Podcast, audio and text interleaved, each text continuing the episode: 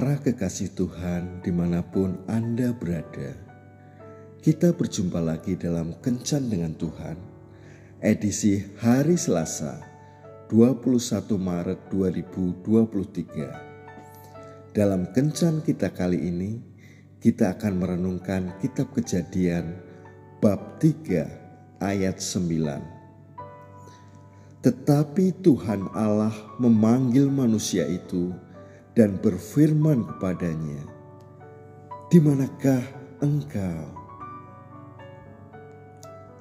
Para sahabat kencan dengan Tuhan yang terkasih, sesuatu terjadi di Taman Eden.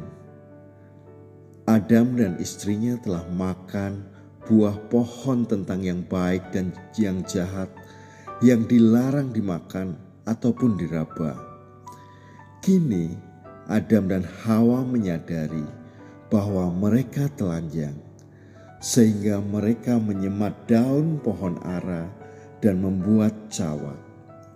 Mereka tahu bahwa mereka telah melakukan pelanggaran terhadap perintah Allah, dan kini mereka takut bertemu Dia. Dalam kitab Kejadian 3 ayat 9 tadi dinyatakan tetapi Tuhan Allah memanggil manusia itu dan berfirman kepadanya, "Di manakah engkau?"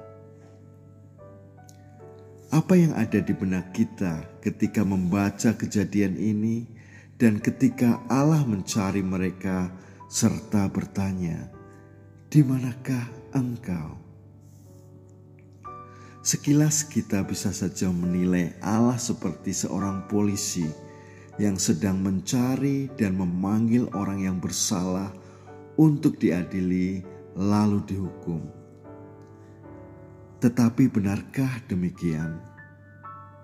Ternyata kalau kita pahami lebih dalam lagi, pernyataan Allah itu sebagai pernyataan seorang ayah yang sedang hancur hatinya dan mencari-cari anaknya yang hilang.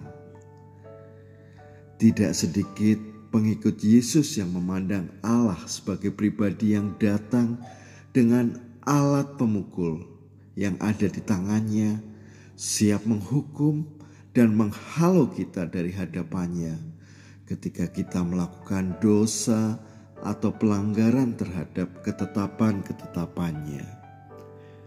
Kita berkata bahwa kitalah orang yang paling berdosa di dunia dan Allah pasti tidak akan mengampuni lagi.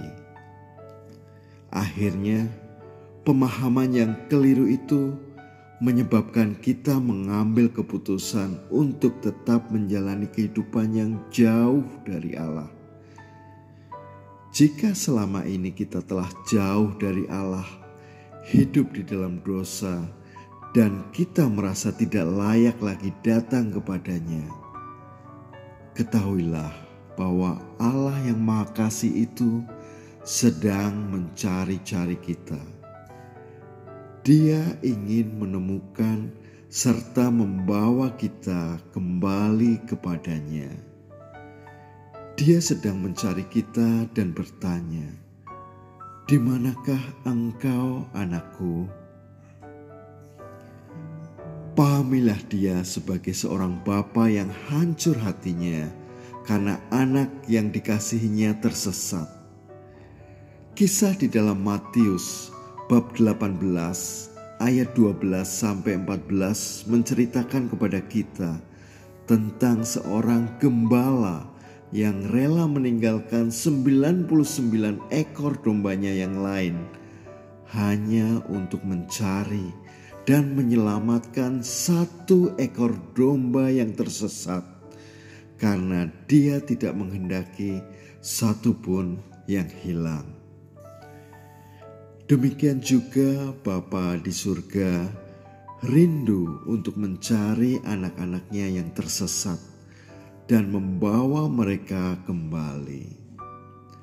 Saat ini, ketika Ia mencari kita, jawablah, "Ya Bapa, ini aku.